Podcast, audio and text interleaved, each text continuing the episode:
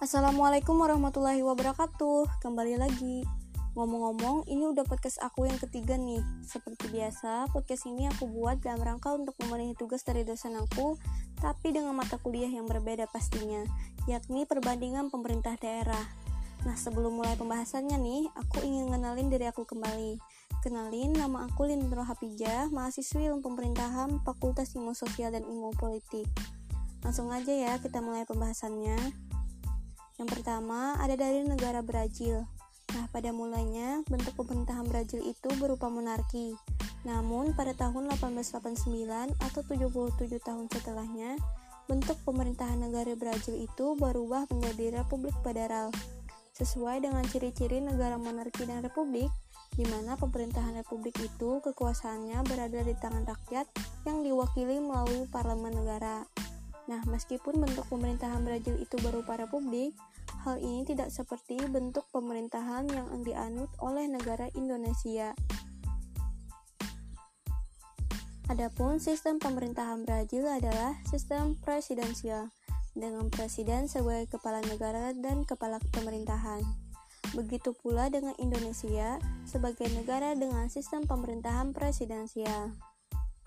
Nah, adapun yang membedakan negara Brazil dan Indonesia adalah bukan pada sistem pemerintahannya, melainkan ada pada bentuk negaranya, di mana Indonesia adalah negara kesatuan dengan bentuk republik, sedangkan Brazil adalah negara federal dengan bentuk republik. Jadi di negara Brazil itu pemerintahannya terbagi atas negara-negara bagian, sedangkan di Indonesia tidak demikian. Kemudian yang kedua ada negara India.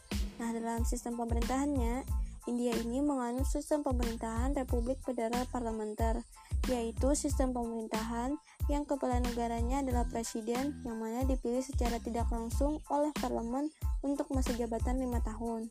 Nah, sedangkan kepala pemerintahannya itu adalah seorang perdana menteri yang mana biasanya dipilih melalui pemilihan umum legislatif setiap lima tahun sekali.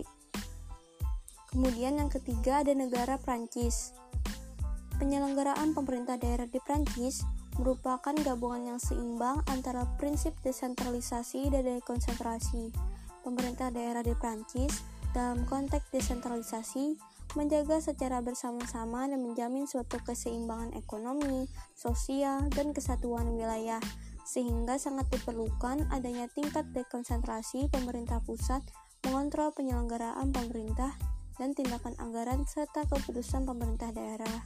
Nah, sedangkan pemerintahan di Indonesia ada dua dimensi dalam Undang-Undang Desentralisasi tahun 1980, yaitu ada dimensi politik dan dimensi keuangan.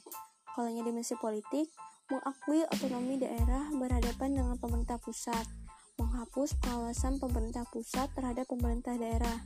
Nah, kalau dimensi keuangan, Undang-Undang Desentralisasi menghapus kewenangan pengawasan terhadap keuangan sekarang pemerintah daerah bebas menggunakan uang yang diberikan untuk kepentingan daerah. Yang keempat, ada negara Meksiko. Bentuk negaranya adalah federal.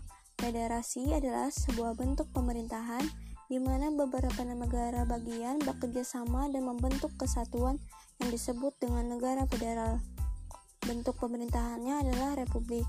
Pemerintahan republik adalah bentuk pemerintahan yang berasal dari dipilih rakyat dan dipimpin atau dikepalai oleh seorang presiden untuk masa jabatan tertentu. Negara Meksiko menganut sistem pemerintahan presidensial.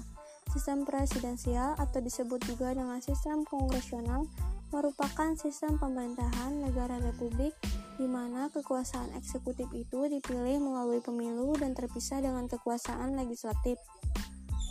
Kemudian yang kelima ada negara Jerman.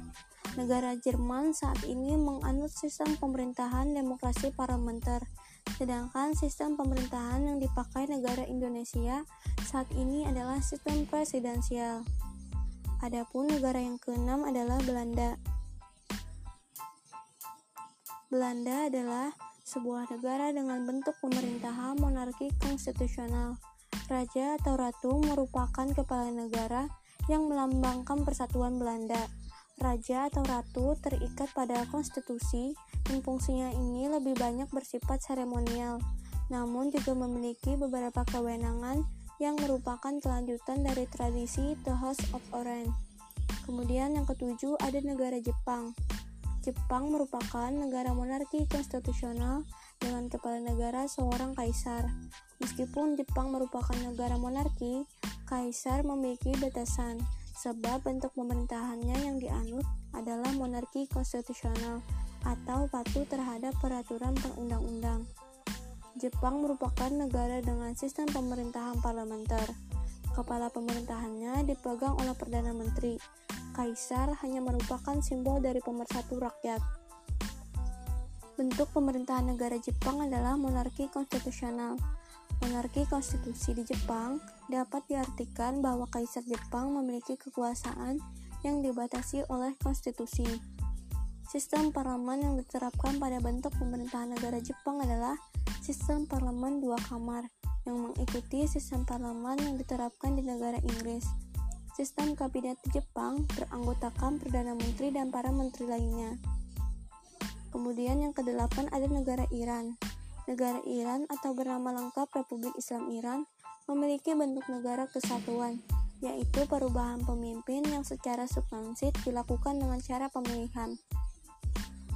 Republik Islam Iran menerapkan sebuah sistem atau aturan yang berlandaskan tauhid, wahyu dan kepemimpinan serta keagungan martabat dan nilai-nilai luhur kemanusiaan karena dasar negara Iran itu berlandaskan pada agama Islam. Kemudian, yang kesembilan adalah negara Argentina. Argentina menganut sistem pemerintahan Republik Presidensil, yaitu sistem pemerintahan yang kepala negara dan kepala pemerintahannya adalah seorang presiden yang di, yang mana dipilih melalui pemilihan umum yang dilaksanakan setiap empat tahun sekali. Argentina merupakan negara dengan sistem persatuan federal. Kemudian yang terakhir adalah dari negara Inggris. Inggris adalah negara kesatuan, bukan federal. Sebagai negara kesatuan, maka kedaulatannya itu berada di tangan pemerintah pusat. Pemerintah pusat membentuk pemerintah daerah. Oleh karena itu, pemerintah daerahnya berada langsung di bawah pemerintah pusat. Nah, jadi itu saja nih yang mau aku bahas kali ini. Semoga bermanfaat. Salah hilap, mohon maaf. Dan terima kasih kepada yang telah mendengarkan. Sampai jumpa di podcast selanjutnya. Wassalamualaikum warahmatullahi wabarakatuh.